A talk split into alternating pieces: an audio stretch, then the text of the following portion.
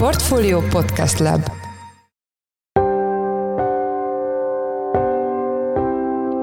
Mindenkit üdvözlünk, sziasztok! Ez a Checklist, a Portfolio podcastje január 8-án hétfőn. A műsor első részében a befektetési alapok elmúlt évéről lesz szó. A fő kérdés, hogy vajon hogyan teljesítettek a komoly kamatot, komoly hozamot kínáló állampapírok mellett. Hogyha a népszerű alapokat megnézzük, akkor azért ott is jelentős hozamokat lehet látni. Ezt a 9,9%-os hozamot, ami másfél évig van az új állampapírnál, ez időarányos egyébként 13,8%-os. Hogyha megnézzük az egyéves hozamokat a befektetési alapoknál, azért bőven találunk olyat, ami ennél magasabbat tudott hozni, még akkor is, hogyha a szociális hozzájárási adóval, illetve kamatadóval korrigáljuk ezt az eredményt. Vendégünk Nagy Botonda, portfólió pénzügyi elemzője. A második részben Kína demográfiai kihívásairól és az ezekre adott kormányzati reakciókról fogunk beszélgetni Vara Bálintal, a Portfólió Globál rovatának elemzőjével. Én Szász Péter vagyok, a Portfólió podcast szerkesztője, ez pedig a checklist január 8-án.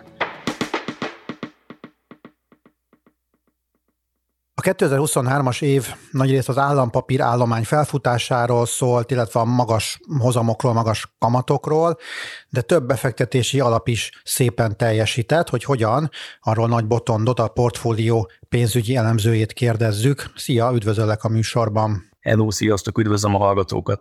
Melyik befektetési alap kategória teljesített a legjobban 2023-ban? Nagyon sokrétű ez a kérdés, mert egyrészt nem mindegy, hogy azt nézzük el, hogy melyik kategóriánál láthattuk a legmagasabb hozamokat, vagy hogy melyik kategória nyújtotta átlagosan a legjobb teljesítményt, illetve azt a kérdést sem érdemes figyelmen kívül hagyni, hogy a legjobb hozamú befektetési alapok azok sok esetben nem azok, ahol a legtöbb pénz van elhelyezve, tehát nagyon sok esetben ezek olyan befektetési alapok, amik jó teljesítményt nyújtottak, ahol általában nem a legtöbb pénz van.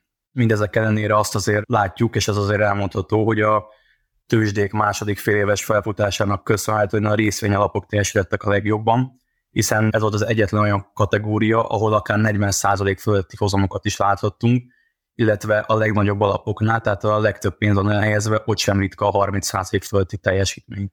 Mi a helyzet az abszolút hozamú alapokkal? Egyébként az abszolút hozamú alapok sem teljesítettek rosszul, a részvényalapoktól nem sokkal maradtak le. A legjobban teljesítő forintos lakossági abszolút hozamú befektetés alapok rendre 25 százalékot, de akár 30 százalék feletti hozamot is adtak, illetve azt mondhatjuk el, hogy a legnagyobb vagyonnal rendelkező alapok is 20-25 százalékos teljesítményt adtak. Ez bőven a 2023-as infláció fölött van valószínűleg, tehát ezek is ráhozamot tudtak nyújtani a befektetőknek, ezek sem rossz teljesítmények egyébként, főleg, hogyha megnézzük a korábbi évek hozamait, ahhoz képest pedig kifejezetten jónak mondható. Mekkorát mentek a vegyes alapok? A vegyes alapoknál azt el kell mondani, hogy ezeket különböző kategóriákra különítjük el az alapján, hogy milyen arányba fektetnek kötvénybe, illetve részvénybe.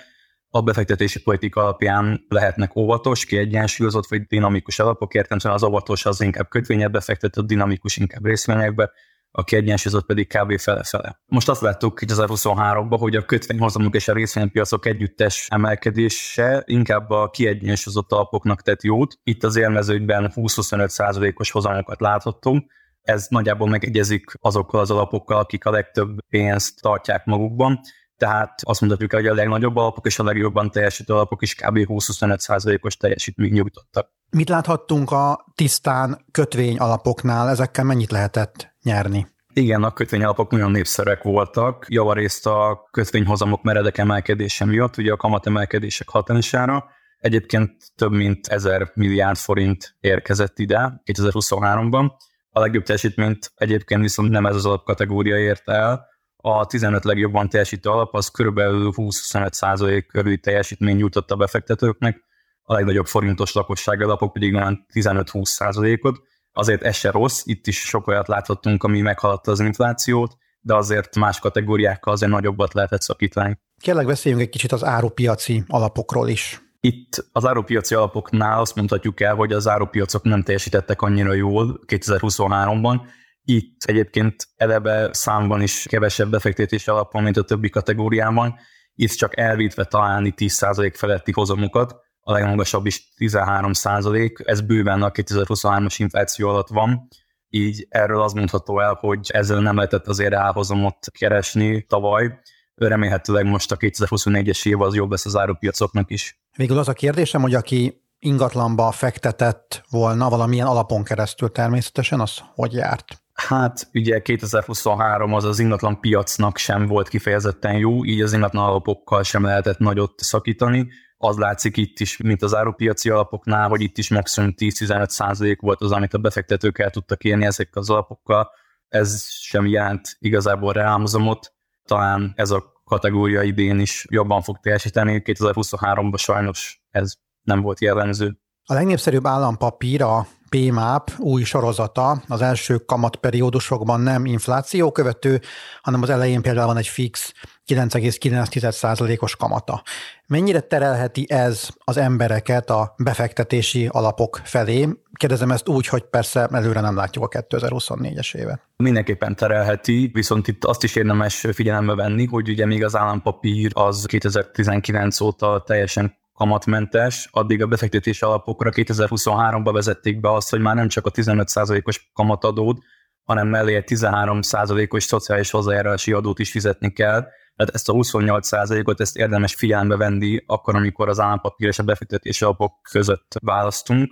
Viszont az látható, hogy még a legnagyobb alapokban is, tehát hogyha a népszerű alapokat megnézzük, akkor azért ott is jelentős hozamokat lehet látni. Ezt a 9,9%-os hozamot, ami másfél évig van az új állampapírnál, ez időarányos egyébként 13,8%-os, hogyha megnézzük az egyéves hozamokat a befektetési alapoknál, azért bőven találunk olyat, ami ennél magasabbat tudott hozni, még akkor is, hogyha a szociális hozzájárási adóval, illetve kamatadóval korrigáljuk ezt az eredményt, illetve azt is érdemes figyelembe venni nyilván, hogy ezek a befektetési alapok azok sokkal rövidebb távra szólnak, tehát, hogyha a PMAP-nak a visszaváltási díjába is kalkulálunk, akkor egy jól megválasztott befektetési alap az sokkal nagyobb hozamot hozhat, mint az új PMAP-nak ez a, ez a 9,9%-os évesített hozama. Az elmúlt percekben Nagy Botondal, a portfólió pénzügyi elemzőjével beszélgettünk. Köszönjük, hogy elfogadtad a meghívásunkat. Köszönöm szépen. Most Zsoldos Ákos, a portfólió makroelemzője elmondja, hogy milyen fontos piacbefolyásoló adatok, hírek várhatók még a héten. A héten érkező adatok közül az amerikai inflációs adatnak lehet a legnagyobb piacmozgató hatása. Ennek a közlésére csütörtökön kerül sor. A magyar adatok közül is érkeznek fontosak. Közé teszik például a decemberi inflációt pénteken, de érkeznek ipari statisztikák, és a decemberi államháztartás alakulását is megismerhetjük. Sokáig szolgálta Kína érdekeit az alacsony születésszám, ám ez most már egyáltalán nem igaz. Elemzők szerint lassan az ország hatalmi céljait veszélyezteti ez. Itt van velünk Arra Bálint, a Portfólió Globál rovatának elemzője. Szia, üdvözöllek a műsorban. Szia, és üdvözlöm a hallgatókat is. Az első kérdésem, hogy milyen demográfiai folyamatok jellemezték Kínát az elmúlt években? Kína demográfiai folyamataira az volt a jellemző az elmúlt évtizedekben, hogy a születésszámok azok tulajdonképpen folyamatosan csökkentek. Ameddig az 1960-as években egy születésszámbeli csúcsról beszélhetünk, közel 30 milliós egyéves születésszámról, addig ez elkezdett folyamatosan csökkenni, az 1980-as években 20 millió felett stagnálni látszódott, majd újabb csökkenéseket követően a 2000-es években már csak 15 millió feletti éves születésszámról beszélhetünk, majd a 2010-es években egy apró emelkedést követően drasztikus visszaesés következett, és tulajdonképpen a 2020-as évek első felére már 10 millió alatti éves születésszámról beszélhetünk Kínában, tehát egy szép, lassú, folyamatos csökkenésről beszélhetünk Kína demográfiai folyamatait illetően. Hozzátéve mindazt, hogy sokáig a lakosság növekedett, tehát a lakossági csúcspont az valamikor 2022-2023 környékén következett be Kínában, amikor 1,4 milliárd fő felett stagnált és átfordult a népesség szám, innentől kezdve csökkenésről beszélhetünk az országban. Kínával összefüggésben a legtöbb embernek eszébe jut ez a bizonyos egyke politika, vagyis az a törekvés, hogy minél kevesebb gyerek szülessen. Biztos sokan tudják, de nem biztos, hogy mindenki, hogy ennek a politikának nagyjából 8 éve vége volt, tehát ebben történt egy fordulat. Szerinted mi lehet az oka a csökkenésnek annak tükrében, hogy most már a kormány nem bünteti azokat, akik több gyereket vállalnak? Sőt, nem csak, hogy vége lett az egyke politikának Kínában 2015-ben, hanem 2021-ben még a kétgyerekes modellt is eltörölték, és ezt követően a kínai nők már büntetlenül vállalhatnak akár három gyermeket is. Ennek ellenére a trendek nem látszottak megfordulni, sőt, további csökkenéseket láthatunk a kínai születésszámok tekintetében. Ezzel kapcsolatban három fő okot szoktak megnevezni. Az első a megélhetés problémája, a második a fiatalkorú munkanélküliség problémája, a harmadik pedig az előregedő társadalomnak a problémája. Az első azt jelenti, hogy a megélhetés a gazdasági növekedéssel párhuzamosan egyre drágábbá vált, egyre több családnak vált megfizethetetlenné az, hogy egynél akár több gyermeket is felneveljenek és kitanítassanak. Ennek a költségei több millió forintnak megfelelő értékre rúg az országban, ami nagyon-nagyon sok mindenkinek nem megfizethető. A másik a fiatalkorú munkanélküliség problémája, jelenleg több mint 20% feletti értéken látszódik ez stagnálni. Az utolsó adatok szerint egyébként 21,3% a fiatalkorú munkanélküliség aránya az országban, ami hatalmas kihívás elé állítja a fiatalokat, hiszen így még nehezebb anyagi helyzetbe kerülnek, pont abban a korban, amikor a gyermekvállalás reális lehetőségé válik. A harmadik probléma pedig az előregedő társadalom kérdése.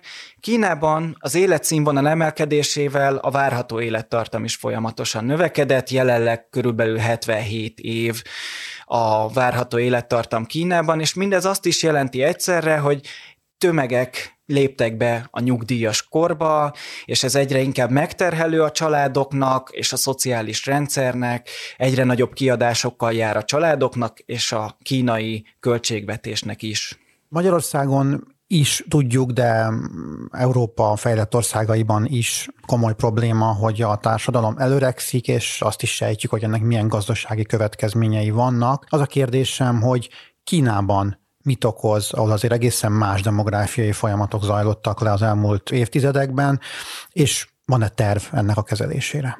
Kínában az életszínvonal emelkedésével nőtt a várható élettartam is, mint ahogy korábban erről már beszéltünk. Ezzel kapcsolatban az a pekingi politika álláspontja, hogy 2030-ra szeretnék, hogyha elérnék a 80 éves várható élettartamot, ami drámai ugrás lenne az 1960-as évek közepén mért értékekhez mérten akkoriban olyan nagyjából 50 és 55 év volt a, a várható élettartam, tehát mindössze egy emberöltő alatt 30, közel 30 évvel ugrana meg a várható élettartam az országban. Ez azt is jelenti egyben, hogy mind többen jutnak el addig, hogy már nem válnak munkaképes korúvá, előregedik a társadalom, nyugdíjasok tömegei lesznek az országban, és ez a születési számok csökkenésével egyben azt is jelenti, hogy a munkaképes korúak száma az jelentősen csökkenni fog várhatóan a jövőben. Ez két problémát is generál egyszerre, hiszen ameddig a nyugdíjasokra egyre többet kell költenie a kínai államnak, addig viszont egyre kevesebb olyan munkaképes korú van, aki képes bevételeket termelni a kínai kormánynak. A növekvő kiadások és a csökkenő bevételek egyszerre jelentik azt, hogy Kínának stratégiát kell váltania, és el kell gondolkodnia azon, hogy mik azok a területek, ahol meg kell vonnia összegeket, támogatásokat, mik azok a stratégiai pontok, ahol át kell struktúrálnia magát, mik azok a lehetőségek, amikkel jelenleg bír, milyen adónemekkel kell növelnie esetleg a bevételeit, illetve hát a globális céljait is esetleg át kell formálnia a csökkenő belföldi bevételei hatására. Természetesen ezzel tisztában vannak Pekingben, és látják azt is, hogy jelenleg a legfontosabb problémát azt a csökkenő születésszámok jelentik, és 2015-től azért érezhetően megváltozott a, a légkör Kínában, Ezt jelentette, ennek volt a leglátványosabb lépése az, hogy az egyke azt kivezették az országból, innentől kezdve a nők nem szembesülhettek a büntető intézkedésekkel, hogyha egy második gyermeket is vállalni szerettek volna. Viszont ez itt nem állt meg, 2021-ben a kétgyermekes modellt is kivezették, innentől kezdve már három gyermek vállalására is van lehetősége a kínai nőknek.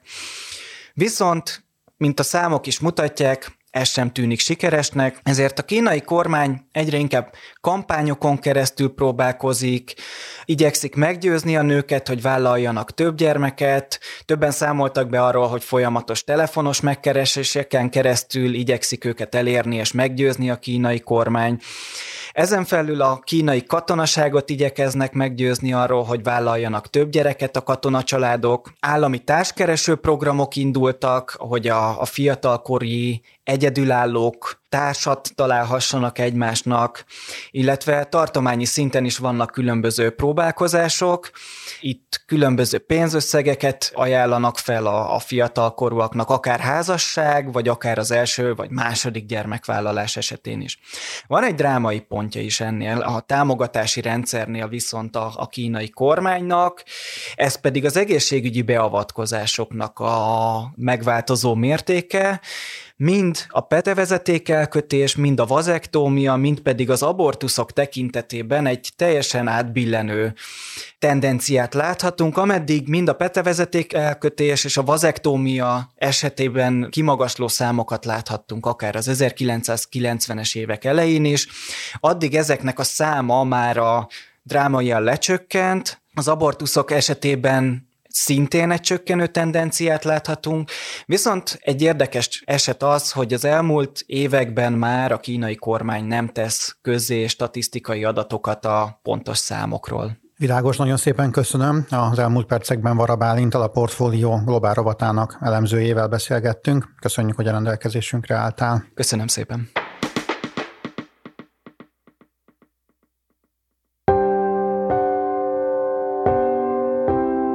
Ez volt már a checklist, a Portfólió munkanapokon megjelenő podcastje. Ha tetszett a műsor, és még nem tetted volna, iratkozz fel a Checklist podcast csatornájára valamelyik nagyobb platformon, például Spotify-on, Apple vagy Google Podcast-en. Ha segítenél nekünk abban, hogy minél több hallgatóhoz eljussunk, akkor értékelj minket azon a platformon, ahol ezt a mai adást is meghallgattad. A műsor elkészítésében részt vett Bánhidi Bálint, a szerkesztőjén voltam Száz Péter.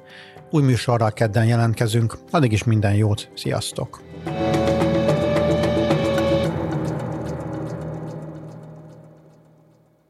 Reklám következik.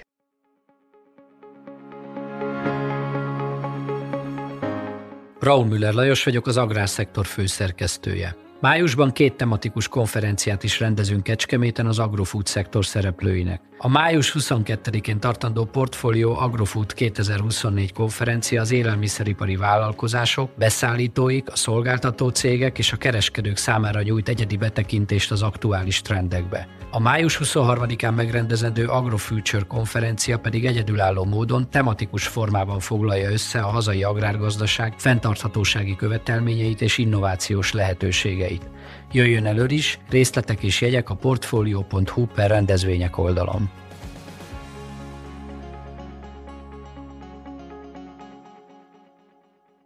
Reklámot hallottak.